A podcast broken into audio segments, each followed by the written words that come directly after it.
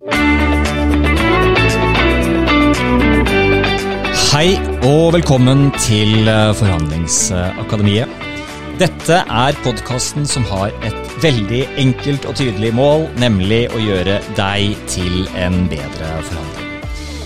Og Hvis dette er første gangen som du hører på Forhandlingsakademiet, så ønsker jeg deg absolutt hjertelig eh, velkommen. Eh, men jeg må nok også si det at jeg vil anbefale deg å begynne med å først høre i hvert fall de første to episodene i denne serien heter Forhandlingsakademiet, og vi har som en pensum som vi følger. Eh, så det er jo den tanke bak oppbyggingen av denne podkastserien. Så i hvert fall eh, gå tilbake og hør de par første episodene. Kan være veldig lurt. Og for deg som eh, har hørt på Forhandlingsakademiet tidligere, så vil jeg jo selvfølgelig si hjertelig varmt velkommen til deg også. Velkommen tilbake hit på Akademiet. Eh, veldig hyggelig at du følger podkasten. Um, du som er fast lytter, vil jo vite at jeg som uh, lager denne podkasten, jeg heter uh, Eivind Arntzen, og jeg jobber til daglig som advokat. Og i tillegg til advokatvirksomheten så liker jeg da å lage innhold sånn som dette. Jeg liker å holde kurs, uh, og det bringer oss rett inn i dagens tema.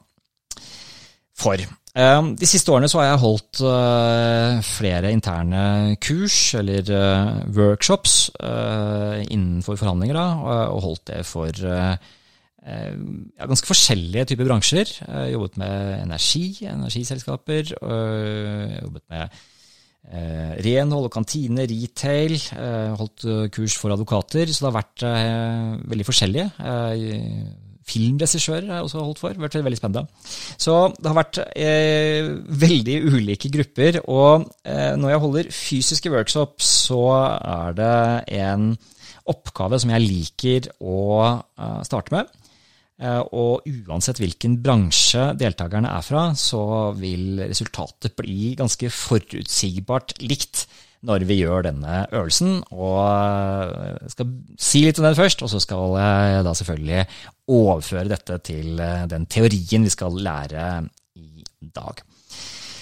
Og oppgaven som vi pleier å gjøre, er da at eh, jeg deler inn deltakerne i eh, grupper på to og to, hvor deltakerne skal spille hver sin rolle. De får et lite rollespill. og Det høres kanskje skummelt ut, men det er ikke det i det hele tatt. Det er tvert imot veldig veldig gøy, og alle syns dette her er kjempeartig og lærerikt. Eh, men man får da skriftlige og konfidensielle instruksjoner, eh, og eh, de instruksjonene inneholder veldig klare mål og fullmakter. Så det beskriver en sak, du skal spille en rolle i den saken, og så skal du følge de instruksjonene du har fått. Så skal de da forhandle i gjerne sånn 20 minutters tid. Og så ser vi jo på hvilke resultater det gir. Og etter at uh, hvert enkelt forhandlingspar er ferdig, så rapporterer de inn uh, til meg da, med dels uh, om de fikk et resultat, hva resultatet i så fall var, om de var fornøyd med det resultatet. og så går vi gjennom resultatene. og Det her syns jeg alltid er like gøy. og Det handler jo om å se på hva er det som er utfallet. Og Hvis det da f.eks. er sånn, kan vi da tenkt eksempel at det er en kontrakt uh, som er la oss si, mellom 600 000 og 1 million kroner. Uh, og partene kan inngå en avtale mellom det. Det ligger i hvert fall i, som premisser i uh, avtalen. Da vil jo veldig mange av avtalene ligge på rundt 800 000 kroner på et sånn gjennomsnitt. Det er jo helt naturlig og logisk og forventet, for all del. Det som er litt mer artig, syns jeg, da, og for så vidt veldig spennende, er det at det vil være overraskende mange som havner på et beløp som enten ligger sånn rett i overkant av 600 000 eller rett i underkant av 1 million. Og I disse tilfellene så vil jo noen ha gjort en veldig god avtale, eh, og noen vil ha gjort en veldig dårlig deal. Eh, og Det handler ikke om å henge ut noen, eller sånne ting, men det bare, bare er eh, eksempler på hvordan disse forhandlingene, som jo er ganske enkle i sin form, likevel vil kunne få føre til resultater hvor den prosentvise avstanden er veldig veldig stor. Hvis vi overfører dette her til forretningsverden, så vil det jo kunne være forskjell på om du, i hvert fall om du driver veldig godt eller veldig dårlig, de resultatene som du får. Og Det vi også ofte ser da, når vi begynner å analysere, er jo at de som er litt frampå, tør å ta styringen, de kommer gjerne bedre ut av forhandlingene. Og Så sa jeg at vi pleier jo da å gi, eller be om at deltakerne gir en tilbakemelding på om de var fornøyd med avtalen eller ikke. Og det som er interessant er også at rett etter at avtalen er inngått, så er de aller fleste veldig fornøyd. Men når de ser hva andre har fått til i forhandlingene, så endrer det seg litt. Så en veldig spennende oppgave, veldig morsom oppgave, veldig enkel egentlig, men også veldig lærerik og illustrerende, og viser jo da nettopp dette med viktigheten av å ha kontroll i forhandlingene og ta et initiativ. I tillegg så, og da kommer vi til eh, dagens tema, så eh, handler jo dette om å ha kontroll på hvilket mulighetsrom er det vi har i en forhandling. Uh, og det vi snakker om da, er det som vi innenfor forhandlingsteorien kaller for SOPA. SOPA skrives med Z, ZOPA, og er en forkortelse for Zone of Possible Agreements, eh, altså forhandlingssonen. Det er jo nok et eksempel som er hentet eh, fra Harvard, med William Urie og Roger Fisher, eh, som introduserte dette. og det høres jo kanskje ut som et uh, enkelt begrep, men det, som vi straks skal komme tilbake til, så er det også noe som ofte gjør at, eller i hvert fall mangel på fokus på det, uh, gjør at man ofte kan komme i problemer. Jeg tenkte jeg skulle ta først og illustrere det med et eksempel til, sånn at vi kan ta og hive på et begrep til for å forstå SOPA. Så la oss se for oss følgende. Du vil selge en bil og har annonsert den for 850 000 kroner. Det er det du har lagt den ut for, og du vet at det er litt i høyeste, grade, høyeste laget, eh, men du har lagt inn litt prutningsbånd, sånn at du har litt igjen å gå på. Og det absolutt laveste som du er villig til å gå om på, det er altså ned til la oss si 750 000 kroner. Så din sone ligger mellom 750 eh, og 850 000 kroner. Jeg på den annen side, jeg er på utkikk etter en bil sånn som den du har, så jeg er veldig interessert i å kjøpe den bilen av deg men jeg har sett for meg et budsjett på mellom 700 og 750 000 kroner. Og jeg kan strekke meg litt, spesielt siden det er deg, eh, og den bilen du har er så fin, men det absolutt meste jeg kan gå til, det er 800 000 kroner, for mer enn det har jeg ikke råd til. I dette tilfellet så vil altså forhandlingssonen, eller SOPAen vår, den vil være mellom 750 og 800 000 kroner. Og en del av denne SOPA-vurderingen er eh, at hver av oss vil da ha et reservasjonspunkt. Vi vil ikke gå utenfor det. Jeg vil ikke gå over 800 000 kroner, det er mitt reservasjonspunkt, og du vil ikke gå under 750 000 kroner, det er ditt reservasjonspunkt. Eh, og hvis vi når reservasjonspunktet, så vil vi heller eh, la være å inngå avtalen, heller søke andre alternativer. Da er vi inne på noe som vi kaller BATNA. Jeg har nevnt det litt tidligere, men det vil også være tema i neste episode, for det er verdt å bruke litt ekstra tid på å virkelig forstå BATNA. Eh, men eh, nå holder vi oss til eh, SOPAN. SOPAN er altså dette, denne forhandlingssonen. Eh, og så lenge det fins en SOPA, så er det jo sånn at da er det et mulighetsrom. Da kan vi få til en avtale, og kan vi få til en avtale, så skal vi prøve å få til en best mulig avtale. Det er i hvert fall det jeg tenker er målet. Så er det jo da fristende å ta et, et aktuelt eksempel nå på en sak eh, hvor eh, det fremstår som om det ikke fins en SOPA. Vi har i hvert fall ikke sett så mye til den ennå, og det er pilotstreiken i SAS, som eh, dominerer nyhetsbildet veldig akkurat eh, nå når jeg spiller inn denne.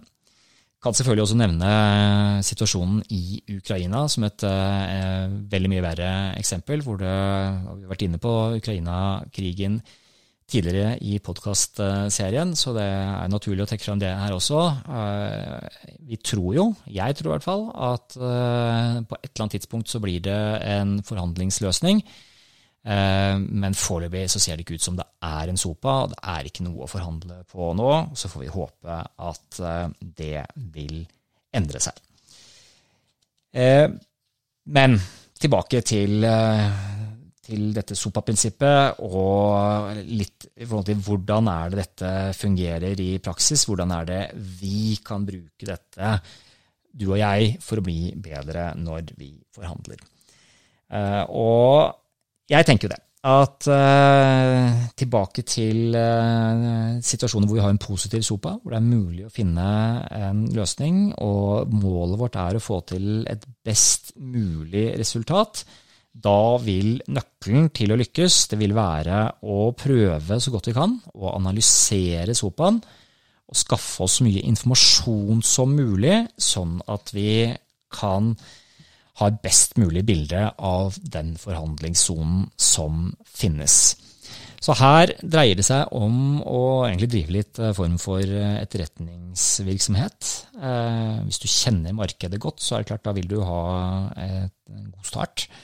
Men det å være kreativ, gjøre et godt stykke forhandlingsforberedelsesarbeid, ved å fokusere på sopaen, eh, se på er det noe offentlig informasjon, er det noe statistikk, er det noen priser fra konkurrenter.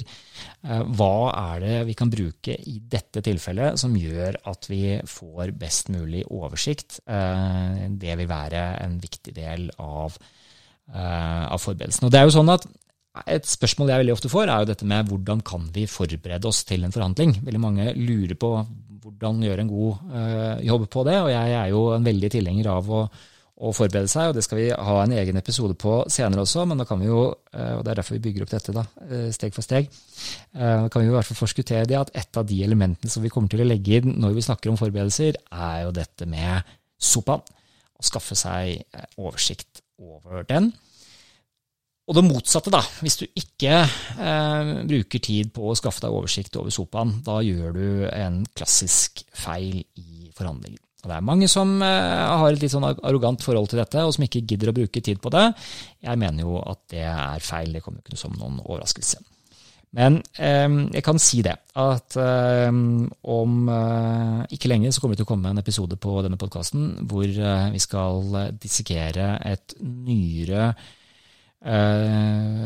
case fra norsk jeg si, samtidshistorie, uh, hvor det var en sak hvor det ble forhandlet om et tema, hvor partene, som er veldig profesjonelle forhandlere, blant de flinkeste i landet, vil jeg si, klarte å gjøre en tabbe, for å bruke deres egne ord om det, i hvert fall hovedpersonens ord om det Eh, som gjorde at man inngikk en avtale. Det kom, eh, kom, på plass en avtale som ble mange milliarder dyrere enn det man hadde sett for seg. Eh, veldig, veldig store konsekvenser. og et veldig, veldig spennende case som vi kan lære veldig mye av. Dels så viser den at også profesjonelle forhandlere kan bomme, men det viser også at vi kan bygge på deres feil og få noe positivt ut av det. Den er under produksjon, denne episoden kommer om ikke lenge. Um, det var så langt i forhold til sopa. Jeg tenkte å si det også at uh, vi, begynner, altså vi, begynner, jo å bygge oss et uh, ganske solid fundament her nå. Vi snakker om disse forhandlingsteoriene. Uh, vi har sopa nå, og så skal jeg snakke om Batna igjen i neste episode. Ta et lite dypdykk i den. Vi har vært inne på Batna før også, men den er viktig å få med oss. altså Best Alternative to Negotiate Agreement den følger egentlig liksom tett opp på SOPA. Eh, så vi begynner nå å bygge dette fundamentet. Og eh, det jeg vil at vi tar med oss hele tiden, er at dette her er jo teorier som det undervises på. På Harvard og på Universitetet i Oslo, overalt. Og vi begynner å få dette her inn under huden. Eh, og jeg har forståelse for at du sikkert tenker at ah, men jeg har lyst, på, liksom, jeg har lyst til å lære noen sånne magiske teknikker som jeg kan gå inn og bare knipse eller gjøre et eller annet triks, så snur jeg forhandlingen eh, umiddelbart. Eh, og jeg lover deg at vi kommer til å komme tilbake til, eh, til en del sånn ganske overraskende og, og, spennende teknikker etter hvert, men vi må ha dette grunnleggende på plass.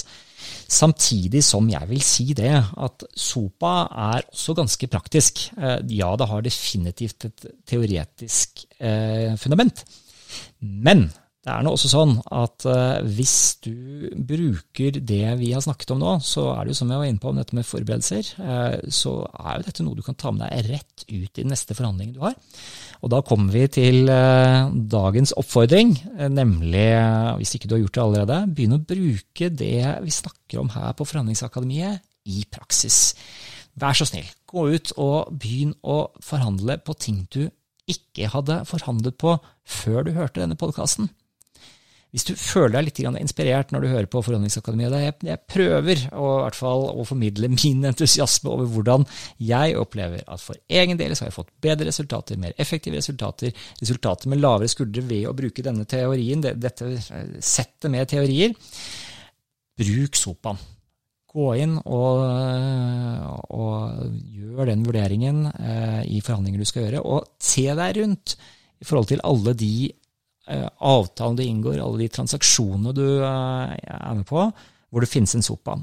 Eh, går du og handler på Elkjøp, så finnes det en sopa, for de har marginer. Så skal du kjøpe en ny TV, så vil det være en sopa. Da er det noe å forhandle på. Forsikringspremien. Jeg har eh, gjort en liten sånn eh, våropprydding nå, eh, og innhentet tilbud på forskjellige forsikringer, og ser jo det at der er det Det er en veldig kjedelig jobb, syns jeg, men det er en del tusen kroner å spare på det. Det fins noe å forhandle på, så der er det absolutt sopa. Alarmselskap, akkurat det samme. Renten du betaler i banken, kanskje er det muligheter der også. Ta kontoutskriften din, enten det er eh, for eh, bedriften som du eier eh, eller jobber i, eller om det er privatøkonomien, finn fram kontoutskriften din, gå gjennom, se på er det noen her hvor det vil finnes en sopa som har noe å gå på. Hva tror du de har å gå på? Da kan du også bruke det massevis av ressurser på nettet, som gjør at du kan få et godt bilde av, av prisene. Strømpriser er også et stikkord som selvfølgelig har vært aktuelt siste året. Eh, og se på. Der det er en sopa, der har du noe å forhandle på. Så da oppfordrer jeg deg i hvert fall til å gå ut og forhandle litt på det. Ok, det var det jeg hadde til deg i dag. Tusen takk for at du hørte på. Hvis du syns dette var spennende, så håper jeg at du vil eh, gi en liten støtteerklæring til podkasten. Rett og slett i form av at eh, du husker å abonnere på podkasten. For da er det lettere for oss å holde kontakt. Jeg klarer ikke hele tiden å Eller jeg har ikke noe fast schedule for når jeg lager disse podkastene. Jeg må gjøre det når jeg har tid, og nå har jeg satt meg ned og fått uh, laget litt. Jeg har også, som du forstår, uh, mer materiale på vei som jeg er veldig entusiastisk for selv, i hvert fall. Håper at du vil sette pris på det også. Så uh, da håper jeg du jeg, trykker på abonner i den appen du bruker til å høre på podkasten. Og så er det selvfølgelig sånn da, at hvis du syns det er eh, ålreit uh, og du blir inspirert av dette, er det veldig veldig, veldig hyggelig med en tilbakemelding, spesielt på Apple, uh, med en liten uh, anmeldelse der, sånn, for der er det mulig å både legge inn noen stjerner og si noen ord om hva du liker med podkasten, så andre kan se det, og så at vi sammen kan bygge podkasten til å få litt mer synlighet. Det var det jeg skulle si i dag. Eh, husk altså å abonnere, det kommer nye episoder om ikke lenge. Vi høres derfor veldig snart. Ha en eh, fortsatt fantastisk dag, og så eh, ses vi, høres vi om kort tid. Ha det bra.